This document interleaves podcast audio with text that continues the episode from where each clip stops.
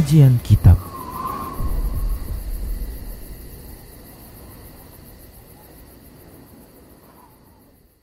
Bismillah, Assalamualaikum warahmatullahi wabarakatuh.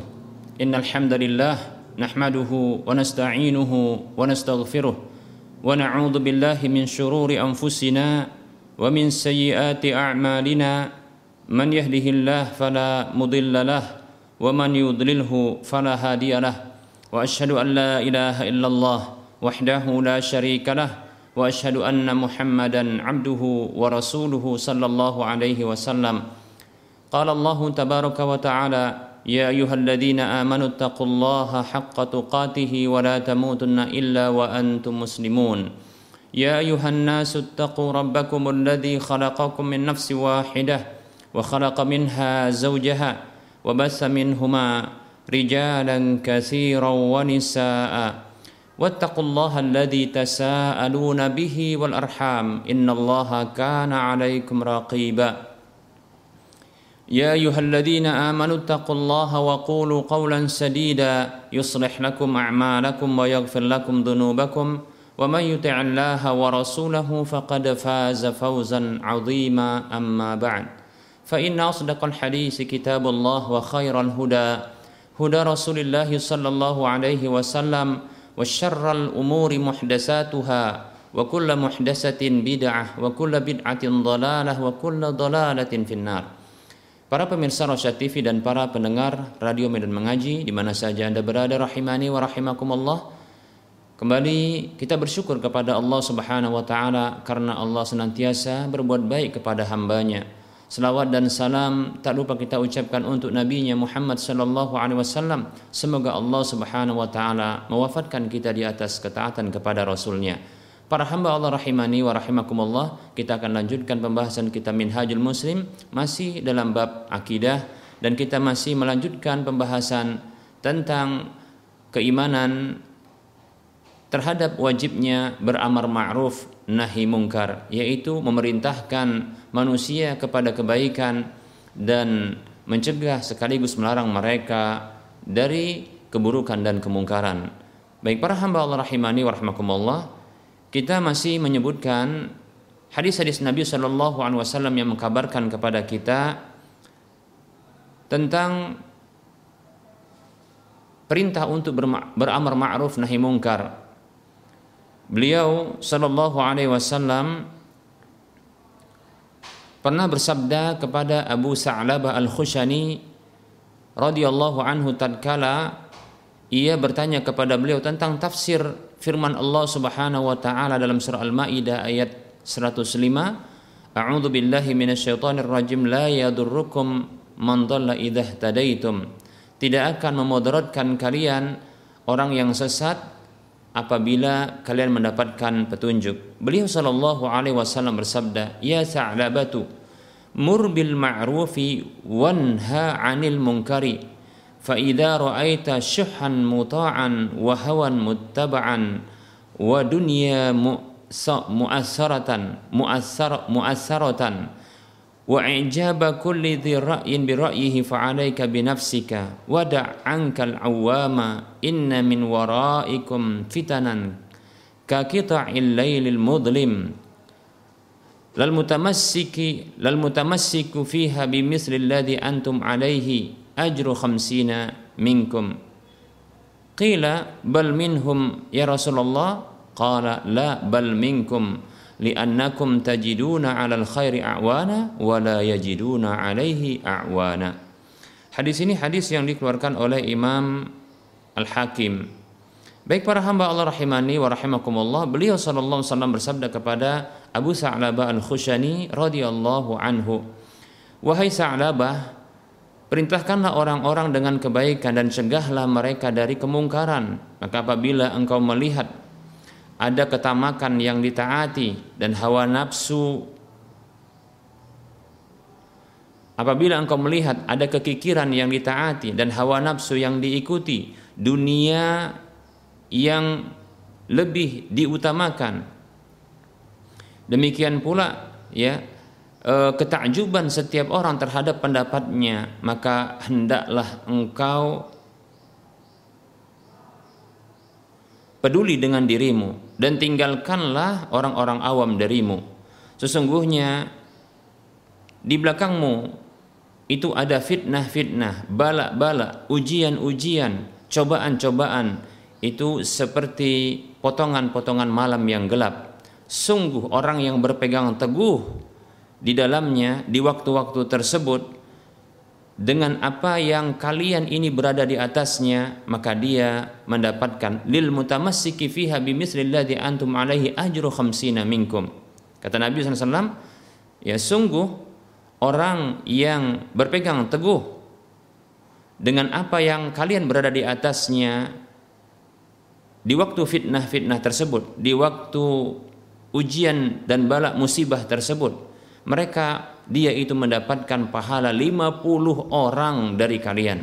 Lalu ada yang bertanya kepada Rasulullah SAW, bal minhum ya Rasulullah, barangkali itu pahalanya dari mereka, dari kalangan mereka wahai Rasulullah. 50 orang ya dari mereka wahai Rasulullah. Qala bal uh, Rasulullah bersabda, "La bal minkum." Tidak bahkan dari kalian.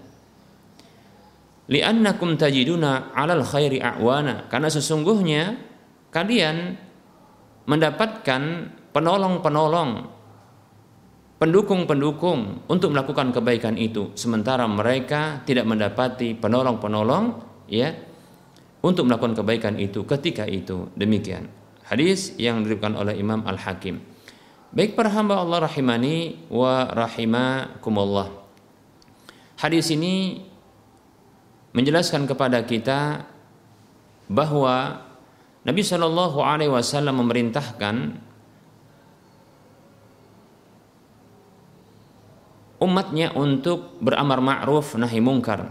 Maka amar ma'ruf nahi mungkar itu apabila dilakukan maka orang-orang yang sesat, orang-orang yang memilih untuk mereka itu sesat untuk melakukan kemaksiatan, condong untuk mengikuti hawa nafsunya, condong untuk mengikuti kekikirannya, mengikuti ketamakan dunia dan kekaguman terhadap pendapat pribadinya.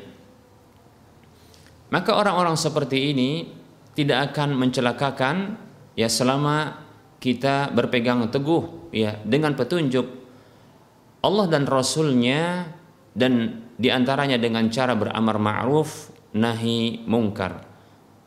Kemudian Rasulullah Shallallahu Alaihi Wasallam memerintahkan kita untuk peduli dengan diri kita sendiri, untuk memilih hidayah untuk diri kita dan beramar ma'ruf nahi mungkar, ya, dan tinggalkan orang-orang awam yang mereka ini lebih condong, ya, untuk memilih kesesatan. Namun terus melakukan amar ma'ruf nahi mungkar dan kalau akan ada masa-masa fitnah, masa-masa ujian yang berat dan itu bagaikan potongan malam-malam yang gelap dan orang yang berpegang teguh dengan petunjuk Nabi Shallallahu Alaihi Wasallam sebagaimana para sahabat berpegang teguh dengan petunjuk Nabi Shallallahu Alaihi Wasallam maka orang tersebut akan mendapatkan pahala 50 orang dari kalangan sahabat radhiyallahu anhum ajma'in. Mengapa demikian? Barangkali ada yang bertanya dan ini pun ditanyakan ya kepada Nabi Shallallahu alaihi wasallam. Alasannya dikarenakan ketika di zaman Nabi Shallallahu alaihi wasallam para sahabat ketika melakukan kebaikan itu memiliki pendukung-pendukung dan penolong-penolong. Adapun orang-orang yang mereka mendapatkan ujian yang berat tersebut fitnah yang berat tersebut, musibah yang berat tersebut, cobaan yang berat tersebut, mereka tidak mendapati penolong untuk melakukan kebaikan. Demikian. Nah, apabila mereka berpegang teguh dengan kebaikan tersebut, dengan kebenaran tersebut, maka mereka mendapatkan pahala ya 50 orang dari kalangan sahabat radhiyallahu anhum ajma'in. Hadis ini yang menunjukkan kepada kita pentingnya untuk beramar ma'ruf nahi mungkar. Berikutnya Nabi Shallallahu Alaihi Wasallam dia bersabda, "Ma min nabiyyin ba'athahu Allah fi ummatin qabli illa kana lahu min ummatihi hawa, hawariyuna hawariyuna wa ashabun ya'khuduna bi sunnatihi wa yaqtaduna bi amrihi summa innahum takhlufu min ba'dihim khulufun yaquluna ma la yaf'alun wa yaf'aluna ma la yu'marun faman jahadahum biyadihi fahuwa mu'min wa man jahadahum bilisanihi fahuwa mu'min. Wa man jahadahum biqalbihi fahuwa mu'min. Wa laysa wara'a dzalika minal imani habbatu khardalin. Hadis ini hadis yang dikeluarkan oleh Imam Muslim. Kata Nabi Shallallahu Alaihi Wasallam tidaklah ada seorang nabi yang Allah Subhanahu Wa Taala telah utus pada satu umat sebelumku, melainkan ia memiliki para penolong-penolong dari umatnya dan orang-orang yang berpegang dengan petunjuknya. Dan mereka itu meneladani perintahnya, mengikuti perintahnya. Kemudian sesungguhnya setelah mereka akan ada generasi-generasi yang mengatakan apa yang tidak mereka lakukan.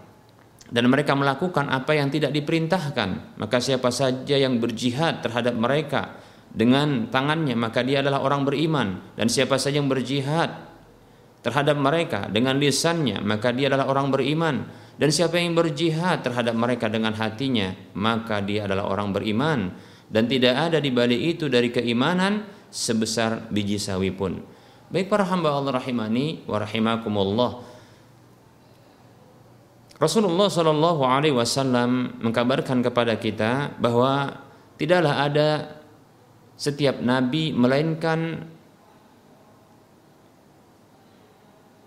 Allah Subhanahu wa taala jadikan di setiap umat tersebut ada para penolong-penolong orang-orang yang berpegang teguh dengan petunjuk Nabi tersebut yang mengikuti dan meladani Nabi tersebut. Demikian pula Nabi kita Muhammad Sallallahu Alaihi Wasallam.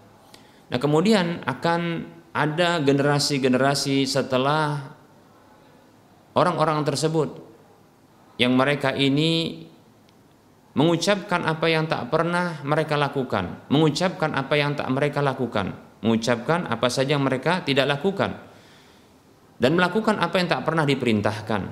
Nah ini bisa kita nyatakan ya eh, bagi umat ini dan kita dapatkan mereka adalah orang-orang yang melakukan perkara-perkara baru dalam urusan agama ini, ya.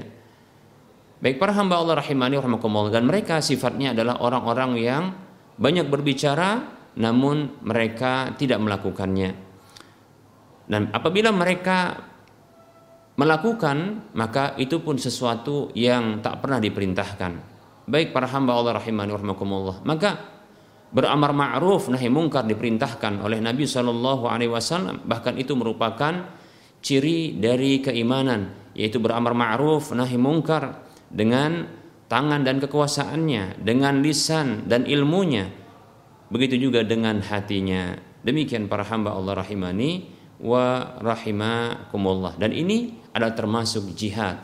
Dalam hadis ini Nabi SAW ya menyatakan ya bahwasanya amar ma'ruf nahi mungkar itu termasuk jihad. Ya. Demikian para hamba Allah rahimani wa rahimakumullah. Berikutnya hadis yang lain. Hadis yang dikeluarkan oleh Imam Ibnu Majah dalam kitab sunannya. Demikian pula Imam An-Nasai dalam kitab sunannya Imam Ahmad dalam kitab musnadnya. Dan ini adalah hadis yang sahih ya e, sabda Nabi Shallallahu Alaihi Wasallam tatkala beliau ditanya tentang jihad yang paling afdol jihad yang paling afdol maka beliau Shallallahu Alaihi Wasallam bersabda kalimatu haqqin inda sultanin jair yaitu ungkapan kebenaran ucapan kebenaran di sisi penguasa yang zalim. Baik para hamba Allah rahimani rahimakumullah sedikit kita akan e, menjelaskan tentang sabda Nabi SAW ini yang ini dipandang keliru dan dipraktikkan secara keliru oleh sebahagian saudara-saudara kita hadis ini bukanlah menunjukkan kepada kita dan menganjurkan kepada kita untuk mencela para ulama, e, mencela para pemimpin, ya.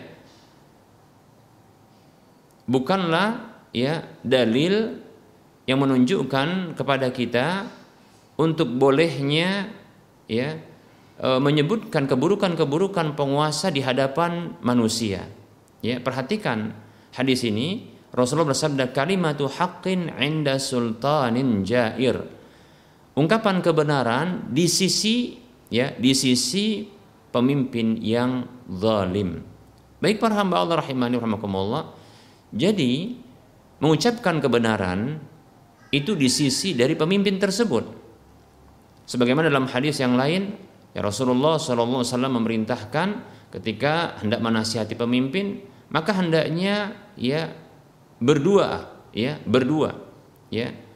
Yaitu melakukan temu, ya temu ramah atau kita katakan bertemu dengan pemimpin tersebut, lalu memberikan nasihat, ya hanya dengan ya empat mata saja atau orang-orang yang dibutuhkan untuk e, mendengarkan nasihat tersebut demikian.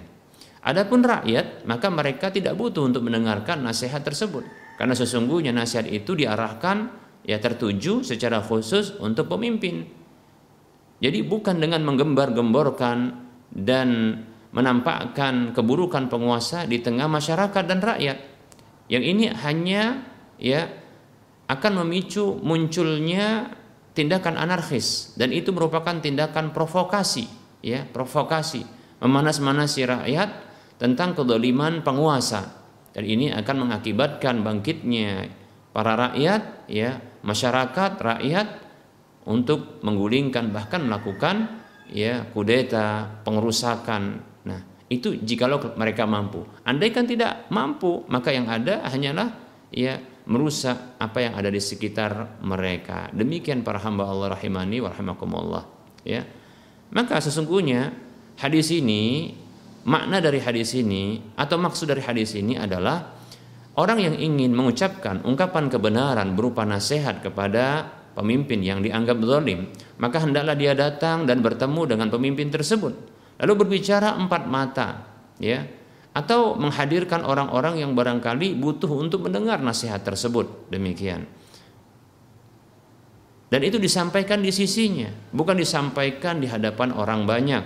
Bukan di podium-podium. Bukan di mimbar-mimbar Jumat.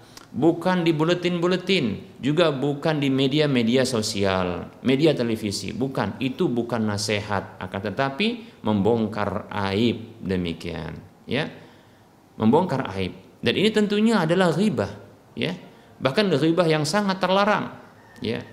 Membongkar aib, menyebutkan aib, ya, saudaranya atau penguasa.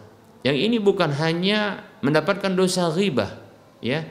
Kata Nabi SAW, ya, ketika ditanya, ketika Nabi SAW bertanya kepada para sahabat, ya, atadruna mal ghibah? Tahukah kalian apa itu ghibah? Dzikruka akhaka bima yakroh. Itu menyebutkan saudaramu dengan apa saja yang dia tak sukai. Baik para hamba Allah rahimani wa rahimakumullah. Nah, ternyata ghibah ini ya akan membuat marah rakyat dan masyarakat. Ya, di mana mereka tersadar bahwa mereka telah didolimi oleh penguasa mereka, pemerintah mereka, demikian. Ya, maka ini bukan solusi yang ada hanyalah perlawanan masyarakat, pemberontakan mereka, bahkan kekacauan yang terjadi. Ini tidaklah diinginkan dalam syariat kita. Baik para hamba Allah rahimani warahmatullah, oleh karenanya Nabi kita memerintahkan ya, memberikan petunjuk kepada kita bila kita ingin memberikan nasihat ya kepada pemimpin, maka hendaklah kita datang kepada pemimpin tersebut, memegang tangannya, berdua dengannya, demikian. Ya alhamdulillah ya pemimpin kita itu memiliki e, tempat ya di mana bisa dikunjungi dan didatangi ya. Istana ya kepresidenan ya ini bisa untuk didatangi ya untuk disampaikan kepada ya pemimpin kita.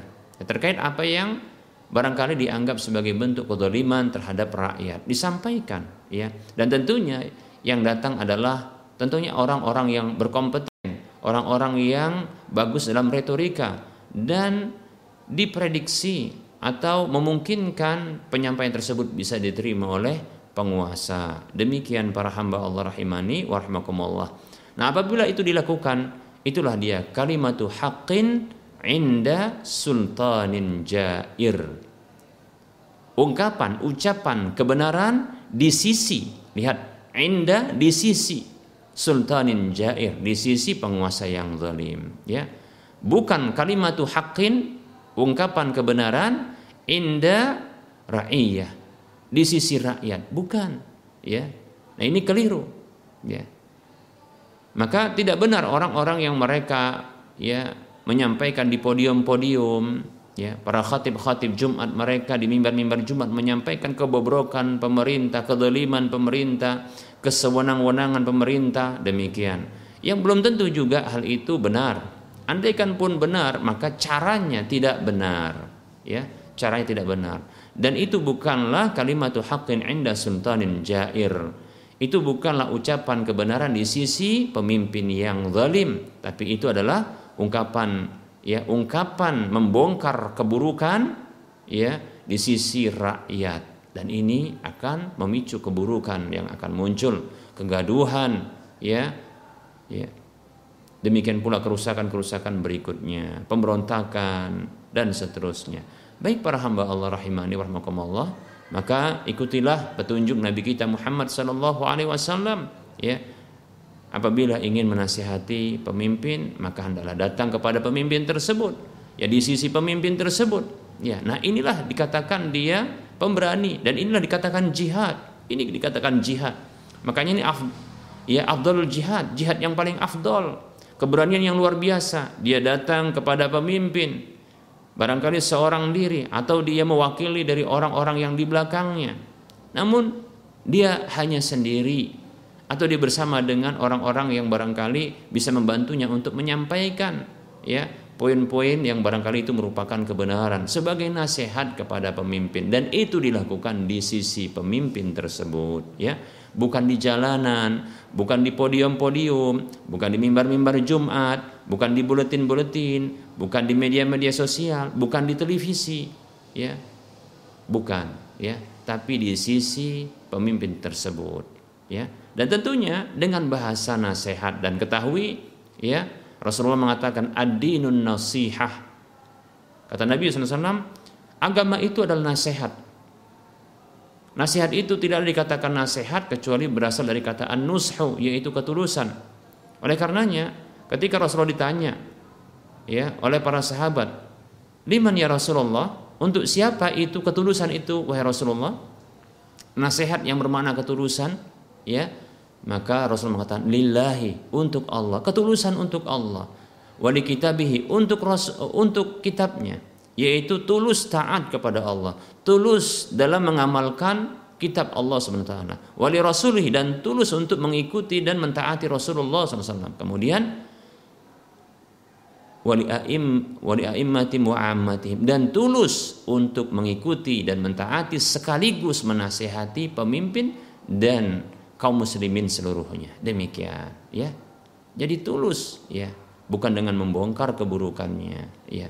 Baik para hamba Allah rahimani warahmatullah barangkali ini materi yang bisa kita sampaikan pada pertemuan kali ini dan kita buka sesi soal jawab ya, bagi para pemirsa yang ingin berinteraksi ya langsung ya silahkan bertanya di nomor layanan kami 08 22 88 88 66 30 0822 88 88 66 30 bagi yang ingin bertanya lewat chatting WhatsApp maka bisa di nomor yang sama atau di nomor 0852 6190 41 71 ya 4177 ya baik para hamba Allah rahimani wa rahimakumullah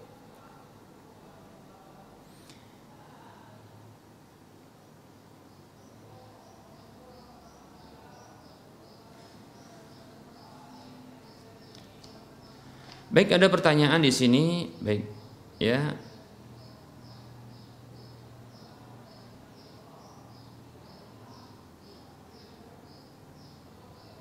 Ini ada pertanyaan. Assalamualaikum Ustaz. Barusan saya kan kerja di toko. Jadi ada konsumen yang ngasih uang dengan bahasa ini untuk kalian. Kami ada keuntungan lebih katanya. Seperti sedekahlah ya kepada kami para pegawai. Apakah ini tergolong riswah? Baik. Waalaikumsalam warahmatullahi wabarakatuh. Perlu diketahui bahwasanya seorang pekerja karyawan pegawai yang telah mendapatkan gajinya ya maka tidak boleh baginya untuk mendapatkan uang tips uang pemberian ya uang terima kasih amplop atau semisalnya hadiah-hadiah yang semisalnya atas pekerjaan tersebut yang itu diberikan ya dari pihak luar ya dari pihak luar ya. Bukan pihak yang menggaji. Apabila itu berasal dari pihak yang menggaji apabila itu berasal dari pihak yang menggaji maka ini terhitung bonus ya.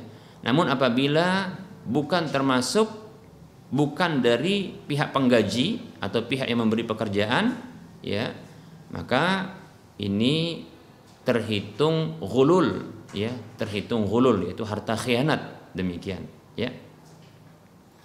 Nah tentunya adalah terlarang berdasarkan hadis Nabi Shallallahu Alaihi Wasallam yang diriwayatkan oleh Imam Abu Daud dalam kitab Sunannya Rasulullah Shallallahu Alaihi Wasallam bersabda manista manista'malnahu ala amalin farazaqnahu rizqan fama akhadha ba'da dzalika fahuwa ghululun kata Nabi Shallallahu alaihi wasallam siapa saja yang kami pekerjakan dengan sebuah pekerjaan lalu kami berikan gaji kepadanya maka apa saja yang dia ambil setelah itu, apa saja yang dia ambil setelah itu, maka itu adalah harta gulul, yaitu harta khianat demikian ya. Maka tidak boleh ya.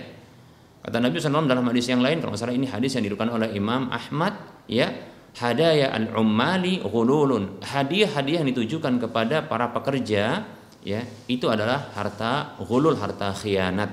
Maksudnya adalah ya uh, hadiah yang bukan berasal dari pihak yang penggaji atau pihak pemberi pekerjaan ya kita ulangi bukan pihak penggaji yang mempekerjakan dan menggajinya demikian hadiah itu akan menjadi ghulu apabila ya dari orang lain ya dari orang orang lain demikian pihak luar demikian ya lalu bagaimana ketika uh, seseorang sudah dia mendapatkan hadiah tersebut pekerja yang dia mendapatkan hadiah tersebut maka eh, pertama bisa ditolak, ya.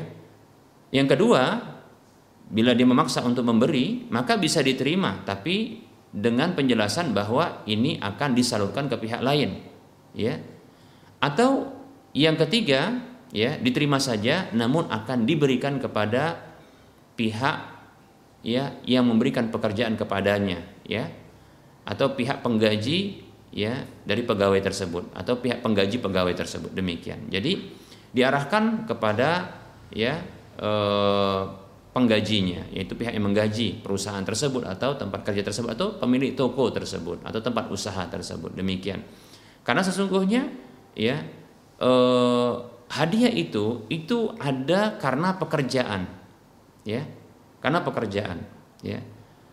Sementara orang yang e, dipekerjakan itu sudah mendapatkan gaji. Oleh karenanya, ya, dikarenakan pekerjaan itu ada pemiliknya, maka hadiah pun diarahkan kepada pemilik pekerjaan tersebut. Demikian. Ya, jadi tidak boleh untuk dimiliki secara pribadi atau diarahkan kepada orang-orang yang menjadi tanggung jawabnya untuk memberikan nafkah.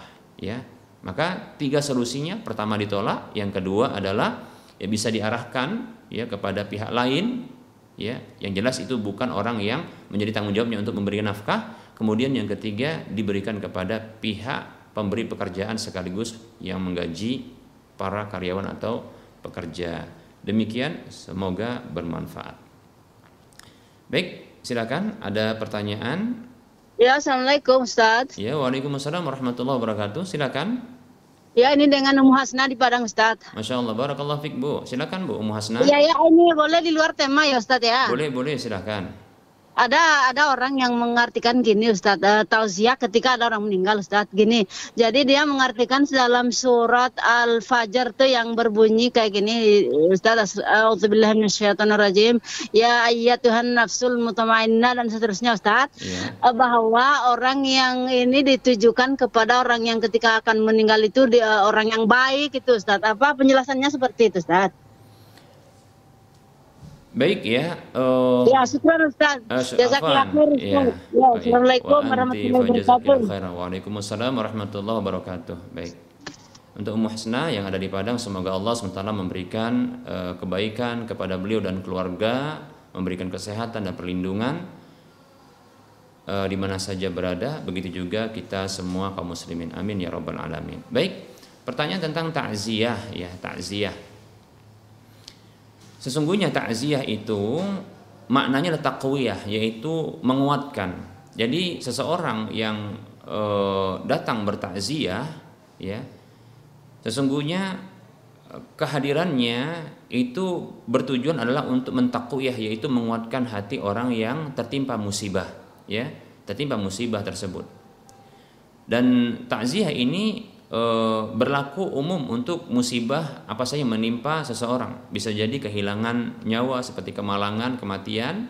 Begitu juga seperti ya e, kehilangan harta, ya begitu juga kehilangan kesehatan, ya atau yang lainnya. Maka itu juga disebut dengan takziah, ya takziah karena menguatkan. Karena takziah adalah untuk e, menguatkan hati seseorang yang tertimpa musibah. Bahkan dalam satu hadis Nabi Wasallam ya beliau bersabda yang maknanya siapa saja yang mentakziah saudaranya dalam musibah apa saja yang menimpanya maka Allah Subhanahu wa taala akan memakaikan kepadanya satu perhiasan yang berwarna ya kehijauan ya pada hari kiamat kelak. Demikian. Seperti itu. Nah itu balasan bagi orang yang e, bertakziah kepada saudaranya dalam e, musibah apa saja Termasuk di antaranya kematian demikian. Baik. Dan takziah itu ada beberapa e, beberapa cara ya. Pertama adalah kehadiran itu sendiri. Kedatangan itu sendiri yaitu merupakan bentuk takziah ya. Kehadiran kita itu merupakan takziah. Ya tentunya ketika seorang yang tertimpa musibah bahkan kita sendiri ketika tertimpa musibah lalu ada saudara-saudara kita dari kalangan kaum muslimin yang hadir ya hadir saja ya untuk uh, turut berduka cita atau turut berempati dengan musibah menimpa kita. Tanpa pun dia berbicara tanpa pun melakukan tindakan apa pun kehadirannya itu sudah meringankan hati kita. Karena kita menyangka dan meyakini itu kehadirannya itu sebagai bentuk empati kepada kita peduli dengan kita. Itu sudah meringankan. Coba bayangkan kalau seandainya ada orang yang tertimpa musibah dengan kemalangan kematian ya lalu tak ada satupun orang yang datang ya atau hanya satu dua tiga orang saja semakin beratlah penderitaan tersebut semakin beratlah musibah itu bagi dirinya. Barangkali dia berpikir apa kesalahan orang tuanya atau e, dirinya demikian ya seperti itu. Baik para hamba Allah rahimani warahmatullah. Cara yang kedua bertakziah itu selain hadir adalah ya e, datang dengan membawa hadiah ya datang dengan membawa hadiah Ya seperti contohnya makanan, ya kata Nabi SAW kepada para sahabat ketika uh, Ja'far radhiyallahu anhu wafat, ya. Maka Rasul mengatakan isna'u li ali Ja'far ta'aman, ya. Li ali Ja'far ta'aman, ya. Fa innahu atahum ma yusghiluhum. Kata Nabi SAW, berilah, ya buatkanlah isna'u li ali Ja'far ta'aman. Buatkanlah makanan ya untuk keluarga Ja'far. Karena sesungguhnya telah datang kepada mereka perkara sesuatu yang menyibukkan mereka. Demikian ya. Yaitu kematian Ja'far. Ini menyedihkan mereka ya.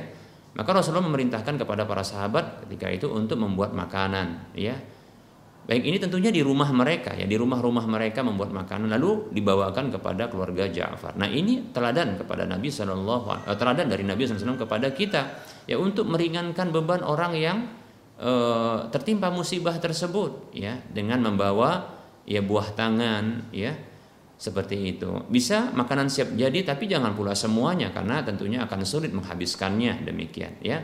Begitu juga e, bisa makanan yang ini eh, bahan makanan pokok ya seperti itu. Seperti di sebagian eh, saudara kita ini mengumpulkan demikian. Ini bagus insya Allah taala. Begitu juga ada sebahagian dari kaum muslimin yang juga eh, me meletakkan satu kotak ya atau wadah yang nanti akan diletakkan padanya adalah uh, uang duka seperti itu. Maka ini insya Allah tidak masalah pula ya karena sebagai bentuk empati ya. Nah tentunya bukanlah ya bukanlah merupakan satu adab yang baik ya. Yaitu ketika makan di tempat terjadinya musibah tersebut. Ini bukan hal yang baik. Karena ketika itu ya ahlu musibah ketika itu, orang yang tertimpa musibah ketika itu dalam kondisi dia e, merasa sedih dengan kehilangan nyawa orang yang dicintainya.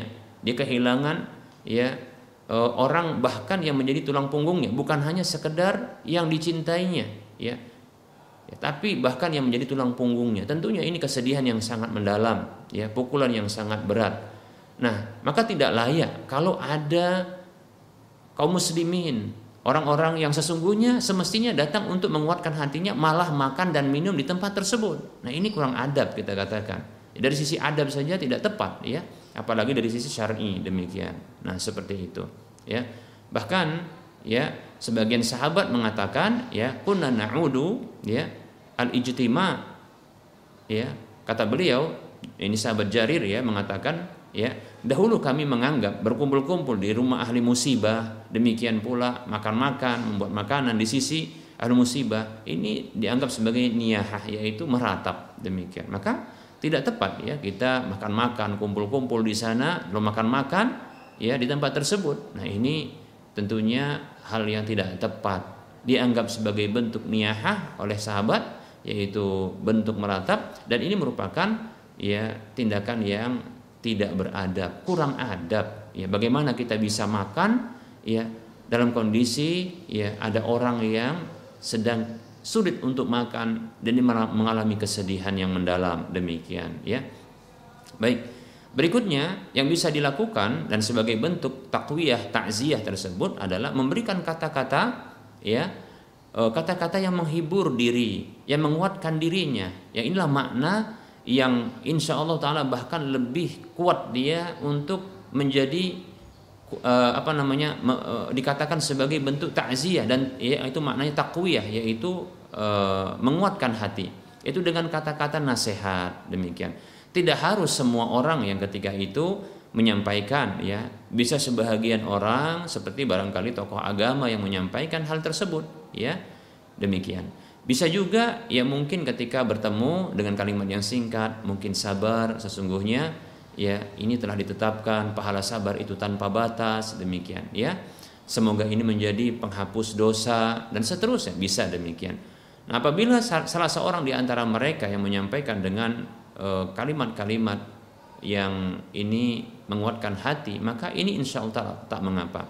Ini pernah disampaikan oleh Nabi Wasallam ya tatkala sampai kepada beliau ya disampaikan kepada beliau bahwasanya ada seseorang yang e, wafat anaknya maka Rasulullah menyampaikan ya pesan kepada orang tersebut sampaikan kepadanya inna lillahi ma akhadha wa lahu ma a'ta wa kullu syai'in indahu bi ajalin musamma faltasbir wa tahtasib.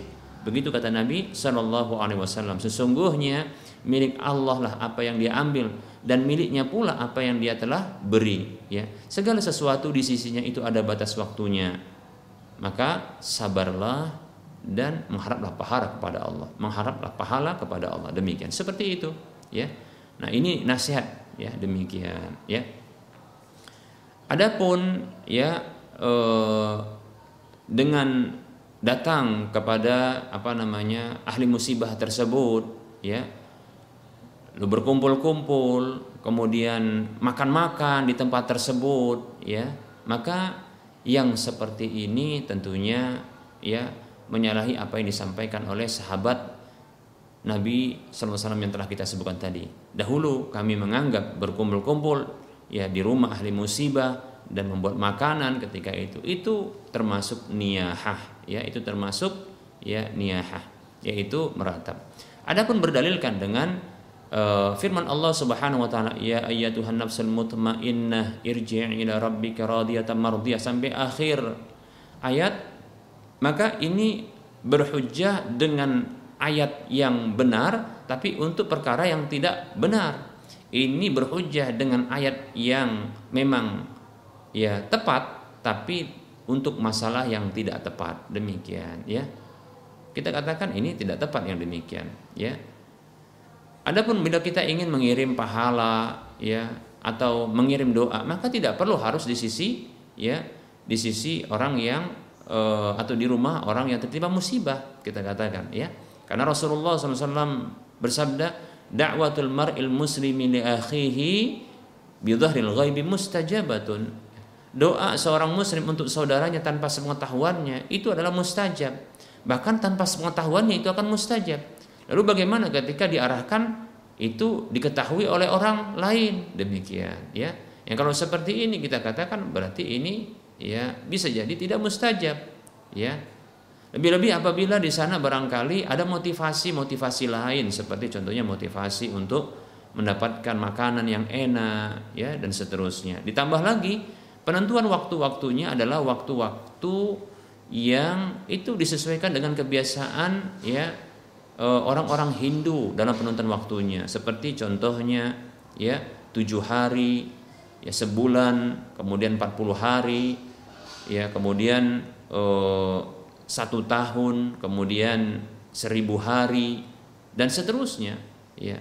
Maka kita katakan yang seperti ini tidaklah tepat ya tidaklah tepat ya. Kalau mau berdoa maka ketika yang meninggal dunia itu adalah saudara kita. Yang meninggal dunia itu adalah kerabat kita yang meninggal dunia itu adalah teman kita, handai tolan kita, tetangga kita, maka doakan begitu kita teringat. Bahkan kita doakan dalam sholat-sholat kita. Dan itu yang akan mustajab. Demikian. Seperti itu. Ya. Tidak harus pula harus menepati dengan ya tujuh hari ya sebulan 40 hari 100 hari ya kemudian satu tahun dan seterusnya. Maka tidak perlu yang seperti itu. Ya tidak perlu yang seperti itu. Maka kita berdoa seterusnya seterusnya. Bahkan itu yang bisa mustajab adapun ahli musibah ahli musibah ya ketika mereka ingin ya mengirim pahala kepada uh, orang-orang uh, yang wafat dari kalangan orang yang mereka cintai maka mereka bisa lakukan dengan cara memohonkan ampun untuk orang orang yang telah wafat tersebut lebih-lebih ini adalah orang tuanya ya Kata Nabi Shallallahu Alaihi Wasallam, turfa'u lil mayyiti ba'da mautihi darajatuhu. Diangkat derajat orang yang telah wafat setelah kematiannya.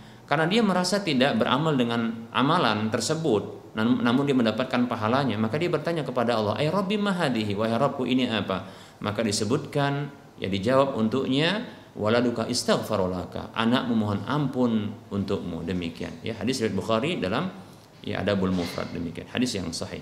Baik, kemudian silahkan ya e, kirim pahala dengan bersedekah yang pahalanya diarahkan untuk orang yang wafat tersebut lebih-lebih orang tua kita. Maka bisa kita ya e, bersedekah untuk orang tua kita pahalanya demikian. Seperti itu. Bahkan yang lebih utama adalah sedekah yang permanen ya yang manfaatnya dimanfaatkan oleh orang lain demikian ya.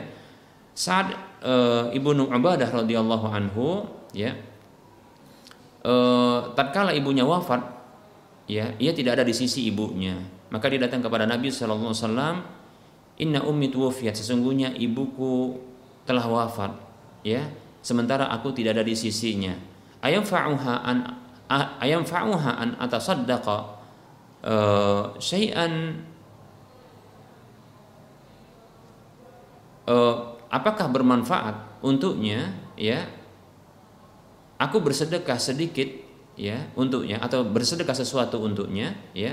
Maka Rasul mengatakan na'am iya kata Rasulullah iya jadi sedekah yang diarahkan untuk orang yang wafat pahalanya tersebut maka akan sampai insya Allah taala. Bagi anak-anak ya yang telah mendapati orang tua yang telah wafat maka silahkan ya kirim pahala untuk orang tuanya dengan menjadikan diri sebagai anak yang soleh. Anak yang soleh. Karena amal soleh seorang anak maka itu akan mengalir pahalanya kepada orang tuanya tanpa mengurangi pahala sang anak. Nabi SAW bersabda, "Idza matal insanu in amaluhu illa min salasin." Apabila manusia itu mati maka terputus amalnya kecuali dari tiga jalur. Pertama min sadaqatin jariyatin dari sedekah jariyah. Yang kedua au ilmin yuntafa'u bihi dari ilmu yang bermanfaat. Kemudian yang ketiga awaladin salihin yad'u lahu. Atau dari anak yang melakukan kesolehan, amal soleh yad'u lahu yang mendoakan kebaikan untuknya. Jadi anak soleh itu aset bagi orang tuanya. Maka kita bila ingin berbakti kepada orang tua kita setelah wafat kita, maka jadilah anak yang soleh, melakukan kesolehan-kesolehan. Maka pahala, pahala yang kita lakukan insya Allah Ta'ala akan mengalir kepada orang tua kita tanpa mengurangi tanpa mengurangi pahala kita. Demikian. Semoga bermanfaat. Baik. E, barangkali ini yang bisa kita sampaikan pada pertemuan kali ini ya materi sekaligus jawaban untuk pertanyaan yang telah masuk dan mohon maaf apabila ada kesalahan dan kekurangan dalam penyampaian ini. Kebenaran datang dari Allah Subhanahu wa taala, maka ambillah kesalahan dan kekurangan itu datangnya dari saya pribadi dan bisikan syaitan maka tinggalkanlah.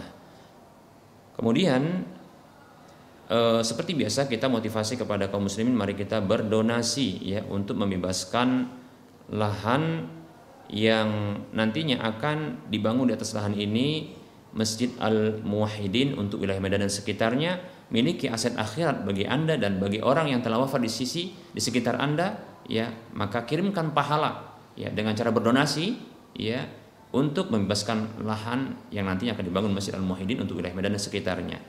Silakan arahkan donasi Anda ke Bank Syariah Mandiri atau Bank Syariah Indonesia di nomor ya 7127485 555 atas nama Yayasan Lajnah Dakwah Medan kode bank 451 dan Anda bisa lihat di layar kaca Anda yang sedang Anda tonton saat ini. Semoga bermanfaat dan semoga uh, Anda termotivasi. Wassalamualaikum warahmatullahi wabarakatuh.